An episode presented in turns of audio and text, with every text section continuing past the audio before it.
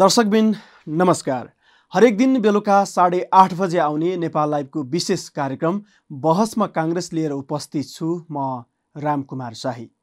देशको पुरानो तथा प्रमुख दलमध्ये एक नेपाली काङ्ग्रेस चौधौँ महाधिवेशनमा केन्द्रित छ। भदौभित्र महाधिवेशन गर्नै पर्ने संवैधानिक बाध्यतामा रहेको काङ्ग्रेसले सोह्रदेखि उन्नाइस भदौसम्म निर्धारित महाधिवेशन मङ्सिर नौदेखि तेह्र गतेसम्म सार्ने निर्णय गरिसकेको छ। यस्तै भदौ अठार गतेदेखि ओडा तहको अधिवेशन गर्ने कार्यतालिका छ। नेपाल लाइभको विशेष कार्यक्रम बहसमा काङ्ग्रेसमा हामी चौधौँ महाधिवेशनलाई केन्द्रमा राखेर विभिन्न सामग्री प्रस्तुत गर्दै आएका छौँ। काङ्ग्रेसको नीति र नेतृत्वका विषयमा हुने बहस महाधिवेशन केन्द्रित गतिविधि र यससँग जोडिएका विश्लेषण यो कार्यक्रमको प्राथमिकतामा पर्नेछन्।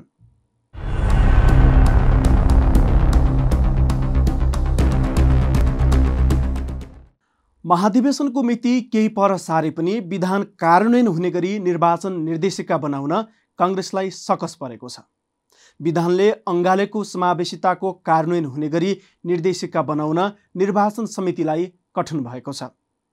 काङ्ग्रेस विधानले समावेशिता सहितको प्रतिनिधित्वको परिकल्पना गरेको छ।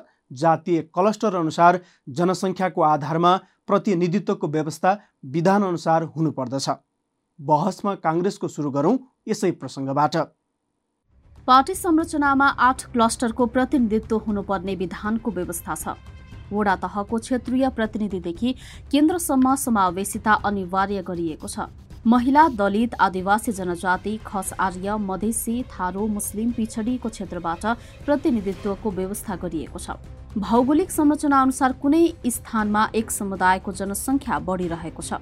उदाहरणका रूपमा कालीकोटमा छत्तीस प्रतिशत दलितको संख्या छ। उक्त जिल्लामा सोही प्रतिशत अनुसारका क्रियाशील सदस्यता पनि अन्य भन्दा बढी हुनुपर्ने हो। तर क्रियाशील सदस्यता दलितको बढी छैन। अन्य जनजातिका क्रियाशील सदस्यता बढी भएपछि दलितको प्रतिनिधि कुन मापदण्डका आधारमा बनाउने अन्यल कायम रहेको बताइएको छ। छत्तीस प्रतिशत दलित भएको स्थानबाट प्रतिनिधित्व छ प्रतिशत पनि भएन भने विधान कुन रूपमा कार्यान्वयन हुन्छ? कङ्ग्रेस नेता प्रकाश रसाइली स्नेही प्रश्न गर्छन्।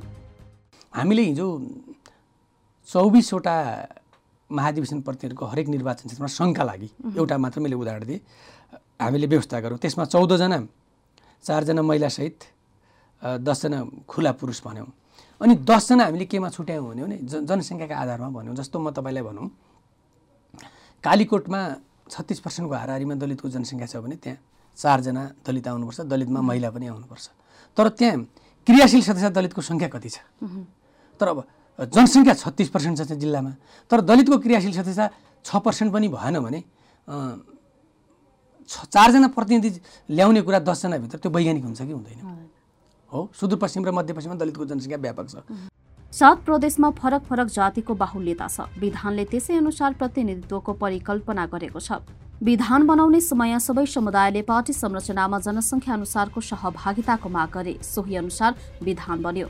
तत्कालीन समयमा विधानले निर्देशित गरेको व्यवस्था लागू हुन सक्ने नसक्नेमा नेताहरूको ध्यान पुगेन। परिणाम निर्देशिका बनाउन हम्मे हम्मे परेको छ। पार्टीभित्र जटिल रहेको उक्त विषयमा शीर्ष तहले कम महत्व दिएको नेता स्नेही स्वीकार्छन् क्रियाशील सदस्यता विवाद चर्को रूपमा उठे पनि निर्देशिका बनाउन परेको कठिनाईका सन्दर्भमा गहन छलफल भएको छैन।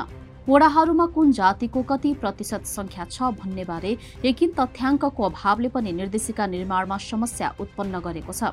दुई हजार अडसठी सालमा जनगणनाको आधार मानेर अहिले प्रतिनिधित्व छुट्याउन सम्भव हुँदैन। तत्कालीन वडा तथा गाउँ विकास समितिहरू भङ्ग भइसकेका छन्।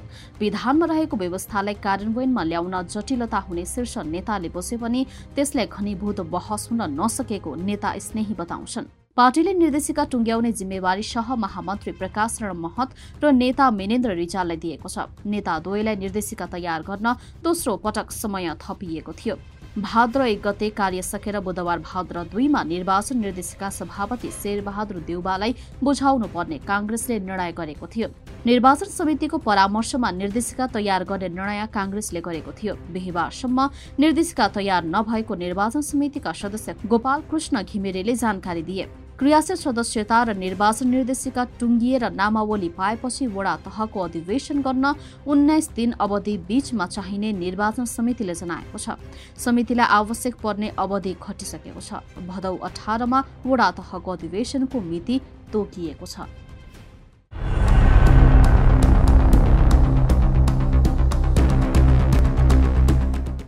यस्तै संस्थापन इतर पक्षका जिल्ला सभापतिहरूको तीन बुद्धि माग सोमबारसम्म सम्बोधन गर्न अल्टिमेटम दिँदै सभापति देउबालाई पत्र पठाएको सम्बन्धी अर्को प्रसङ्ग।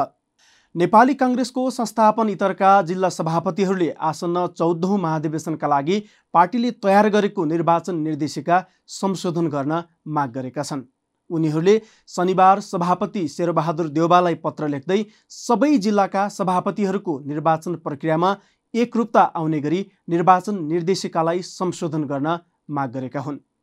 साथै क्रियाशील सदस्यता सुनियोजित रूपमा थप्ने हटाउने कार्य भएको प्रति पनि उनीहरूले आपत्ति जनाएका छन्।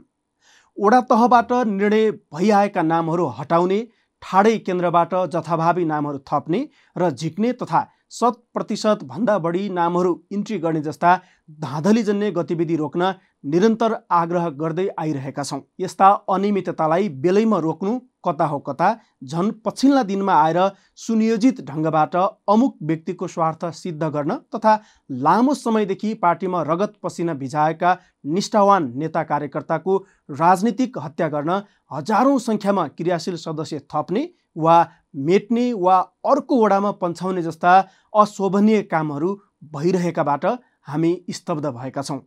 देउबालाई बुझाइएको पत्रमा भनिएको छ। त्यसमाथि सतहत्तरवटै जिल्लाका सभापतिको एउटै प्रक्रियाबाट निर्वाचन हुने विधानको प्रष्ट व्यवस्था विपरीत निर्वाचन निर्देशिका जारी भएबाट हामीलाई थप चिन्तित बनाएको छ। सभापतिलाई लेखेको पत्रमा तीन बुद्धि माग अघि सारिएको छ। ती माग भोलि सोमबारसम्म पुरा गर्न समेत अल्टिमेटम दिइएको छ। भोलिसम्म माग पुरा नभए केन्द्रीय कार्यालयमा अनसन धर्ना लगायतका कार्यक्रम गर्ने चेतावनी समेत पत्रमा दिइएको छ।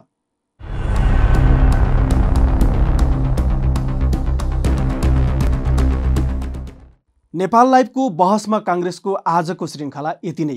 हाम्रा अन्य कार्यक्रम Nepal लाइभको Facebook page YouTube channel Twitter र नेपाल लाइभ डट कममा पढ्न र हेर्न सक्नुहुनेछ। नमस्कार।